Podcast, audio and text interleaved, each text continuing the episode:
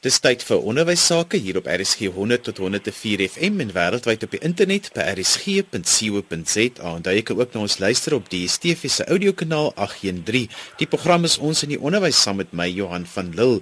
Vandag gesels ons 'n bietjie oor visieprobleme en wat onderwysers daarvan moet weet. My gas is professor Jannie Ferreira.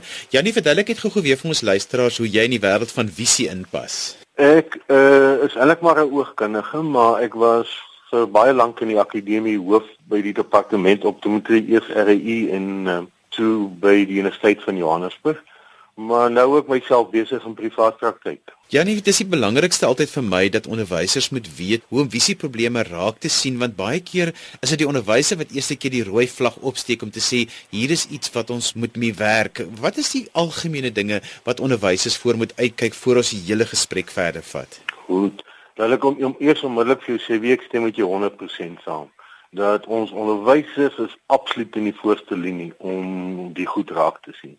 Jy weet en so ek het hoë waardering vir onderwysers wat dit kan sien.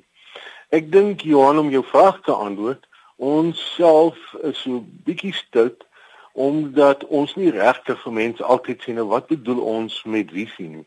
Want jy weet ek dink ons vereng die definisie baie maklik dat mense dink visie is eintlik net om te kan duidelik sien. Jy weet so as 'n kind klaar kan nie duidelik sien nie, dan dink ons hier's 'n hier's 'n probleem. Maar visie is ontsettend meer as net duidelik sien. En ek dink so dis die eerste ding wat uh, ons moet sê. Dit gaan nie net oor duidelik sien nie, daar's baie ander goed binne die skoolomgewing, binne die sportveldomgewing wat onderwysers moet oplet voor. As jy vir my vra binne die klaskamer situasie, moet ek vir jou sê dat baie min kinders sal op 'n vroeë ouderdom al sukkel om om ver te sien. So baie min kinders, jy weet, gaan kla dat hulle byvoorbeeld nie op die bord kan sien nie. So daar is die groot ding wat mense op die uitkyk moet voorwees is en veral by die jong kinders net soos hulle in die begin leesstadium kom om te kyk hoe gemaklik is die kind as hy lees. En ek sê altyd vir onderwysers die maklikste ding om te doen is as hierdie ouetjie lees kyk of sy kop stil is. En die oomblik as jy sien hierdie kind lees met vreeslike kopbewegings dan weet jy okay daar sekerre visuele vaardighede wat nie in plek is nie. En dit is tipies daai ouetjies wat gaan sit en rondvroetel nie konsentreer nie en dan vinnig jy weet volg 'n klomp ander diagnoses daarop Op die sportveld interessant is dit weer, ek wil amper sê die teenoorgestelde. Jy weet wanneer ons in die klaskamer werk dan kyk ons na wat ons noem nabypuntsvaardighede. Met ander woorde die vermoë van die oogies om in inderdaad te kan sien, maar dan gemaklik by mekaar te kan bly, gemaklik te kan fokus, gemaklik oor 'n bladsy te kan beweeg soos ek lees of skryf. As ek sê sodra hulle sit en voetel en kop beweeg, dan weet jy dis nie in plek nie. Maar as ons na die sportveld toe skuif, dan is verskuif die fokus meer heeltemal na wat ons noem verpuntvaardighede. En dan's daar 'n hele paar ander fasette wat daar tot sprake kom. Ja, nie iets wat al hoe meer in die volksmond uh, half mense na verwys is lui oë. Is daar iets soos lui oë en waarna verwys mense as hulle daarna verwys? Ja, dis Johan, dis nou 'n baie goeie vraag want ek persoonlik hou glad nie van die woord lui oog nie omdat dit eintlik nie jou sê waarna verwys word nie. Want leioogies kan 'n klomp goed beteken. Die algemene leioog soos ons hom sou ken, is 'n oogie wat om een of ander rede in onbereik raak. Jy weet omdat hy nie kan duidelik sien nie of daar was siekte of skade gewees en dan kan die oogie nie duidelik sien nie en al sou jy hom probeer korrigeer met 'n bril of kontaklens of enige manier, die oogie kan nie duidelik sien nie. En dan, jy weet die groot woord daarvoor is amblyopie. En dan sou so oogie as 'n leioogie bekend staan. Maar leioogies in die volksmond is baie keer ook as oogies nie behoorlik saamwerk nie. As 'n oogie draai en dit lyk of hy skeel is, dan sou mense daarna op verwys as leioogies. So ja, ek hou glad nie van die term leioogie nie want so ek sê dit sê glad eintlik nie wat die funksie is nie. Mense moet gaan kyk wat is die funksies wat gesprake is wat nie werk nie en dit eerder gaan aanspreek. Janie iets anders wat onderwysers baie keer optel is is want veral deesdae met kinders wat so 'n passiewe leefstyl het is dat die oogies beweeg nie glad oor die leesbladsy nie. Is daar iets wat daaraan gedoen kan word en wanneer moet 'n onderwyser dit aanmeld want baie keer is kinders se vlot leesvaardighede een van die dinge wat dan in wat probleme het dan as gevolg van die oogies wat nie glad kan beweeg nie. Dis sonder twyfel een van die grootste redes hoekom kinders gaan sukkel met lees en leer dan is omdat die oogies nie glad beweeg nie. En jy's jy's heeltemal reg. Dit is afgeval van veral ons lewenstyl vandag waar kinders op baie vroeë ouderdom blootgestel word aan tegnologie en goed en dat hierdie oogies dus nie daai vaardigheid ontwikkel om glad oor 'n bladsy te kan beweeg nie. Dis hoekom ek sê vir onderwysers is die eerste ding waar hulle dit gaan raak sien as die kind sy sy kop beweeg. Want dan sê dit net die oë kan nie glad beweeg nie. Nou val ek terug op 'n uh, grove motoriese beweging omdat ek nie die fyn bevolk motoriese of die fyn motoriese beweging kan uitvoer nie. En dit sou 'n klassieke ding wees om, om op die uitkyk voor te wees. Want die hartseer is presies dit. On, ons sal moet gaan kyk oor hoe ons met ons kinders werk.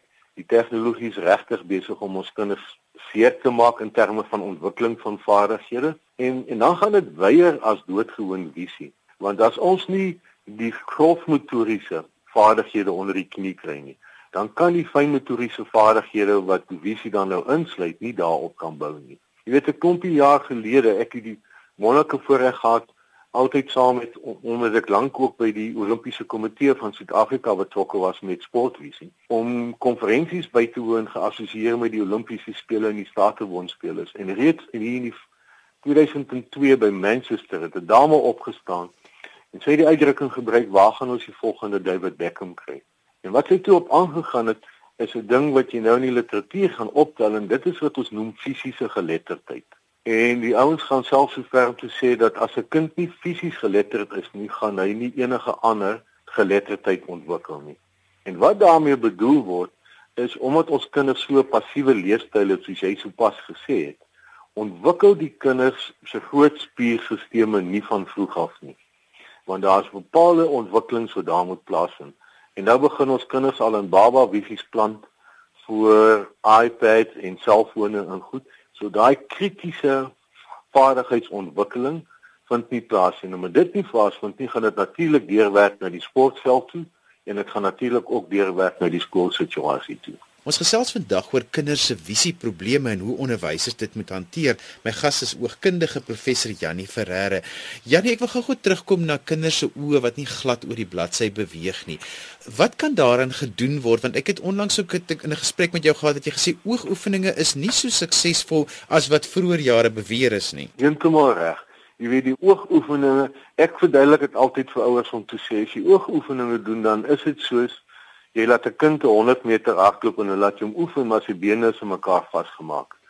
En natuurlik, hoe harder hy oefen, gaan hy met sy bene aan mekaar vasgemaak vinniger hardloop. En dis ongelukkig wat oogoefeninge doen in die meeste van daai algemene goed is dat dit spreek nie die oorsaak aan nie, dit spreek die simptoom aan. So ja, dan gaan jy 'n tydelike verbetering kry, maar vinnig dan val dit weer terug. En ek moet vir jou sê om te dink jy gaan seentjies kry om hierdie klomp oogoefeninge doen, is in elk geval 'n uitdaging op sy eie. En ja, jy's reg, daar is nie navorsing wat wys dat dit regtig wetenskaplik bewysbaar is nie. Nou is die vraag wat doen 'n mens? En die oplossing is mens moet gaan kyk na wat die oorsaak is. Hoekom hierdie oë nie glad kan beweeg nie. En ek dink ons het laas vlugtig op 'n ander program daarna verwys dat dit veral gaan dat die kind se oë nie gemaklik by mekaar is nie. Met ander die kind se oë dryf uitmekaar uit. En dan gaan jy dit ook in die klas optel deur 'n kind wat sy een oog toemaak as hy lees of sy kop heeltemal skuins draai as hy lees of sy hand oor sy een oogie hou of die boek naby sy gesig dit gaan alles tekens wees van twee oogies wat nie gemaklik by mekaar is nie. Die ander element natuurlik by die nabypunt taak is dat my oogies gemaklik moet kan fokus. Ek moet kan sien wat op die bladsy aangaan en as ek opkyk na die bord so moet ek dadelik op die bord kan sien ook. En omdat ons kinders so deur tegnologie vasgevang is verloor hierdie fokusstelsel baie vinnig sy soepelheid. So hulle stadig om te fokus naby, hulle stadig om te fokus ver. En dan inderdaad gaan daai twee oë en dis die basis van oogies wat glad beweeg. Twee oogies wat gemaklik by mekaar is en twee oogies wat gemaklik fokus. En as dit nie in plek is nie, nou ja, dan's daar spanning op die stelsel en dan word die lees en leer frustrasie. My benadering daartoe is om die spanning uit die stelsel uit te gaan haal. En dit doen ons gewoon doodgewoon ons noem hulle maar klaskamerbrille of of so iets is om die spanning uit te haal en die oogies te help om gemaklik by mekaar te bly, gemaklik te fokus Ja, en deur genade van bo kry ons fenominale resultate daarmee. Ja nee, want hierdie kinders dra dan die brilletjie maar op 'n stadium gaan hulle die brilletjie weer wegpak, nê? Nee. Heeltemal maar reg. Dis die einde. Sodra die stelsel homself dan, want dis wat gebeur omdat ons kinders ook op 'n baie vroeë ouderdom baie meer blootgestel is aan nabypunt take. Is die stelsel eintlik nog nie behoorlik gevestig om hierdie take te kan hanteer nie. Jy weet en dis hoekom ons dan gepraat het oor kindertjies wat laat in die jaar gebore is en en dergelike. Maar omdat die stelsel dus nie behoorlik is nie, nou moet ons die stelsel ondersteun en ons hoop is dat as ons hom ondersteun, dan gaan die stelsel bykom en sodra die stelsel bykom, dan kan ons terugstaan. Maar die wonderlike is dat my ervaring is dat baie van hierdie kinders ja, sal inderdaad dan nie meer elke dag die brilletjie in die klas dra nie, maar sodra hulle 'n klomp leeswerk moet doen of hulle in die hoërgrade ingaan en moet 'n klomp leerwerk doen of selfs wanneer hulle toets en eksamens skryf, gaan hulle self na hulle brilletjie soek en hom ergens uit die kas uitkrap sonder dat enige iemand vir hulle sê, omdat hulle self ervaar dat dit doodgewoon die lewe vir hulle makliker maak. Janie vir hierdie kinders is dit baie keer moeilik om 'n akkurate lesing te kry vir daardie brilletjie en baie keer moet jy mos na die oogspesialis toe gaan wat sulke druppeltjies in jou kind se oog gooi dat die pupille kan rek en dit is nogal 'n hele proses verduidelik gou-gou vir ouers en onderwysers wat dan gebeur want die lesing wat hulle moet kry moet ongelooflik akkuraat wees. Dis dis baie waar uh, ek moet sê dit gebeur nie in die meeste van gevalle nie maar heeltemal reg. Uh ek doen nog nog al relatief groot. As ek 'n kind kry en ek sien daar soveel spanning op daai stelsel dat dit vir my voel maar ek kry nie akkurate lesing nie, dan doen ek presies dit. Ek sal die kind aanstuur na 'n oftalmoloog toe en vra wil jy nie vir my asseblief daai druppeltjies in die oog gooi?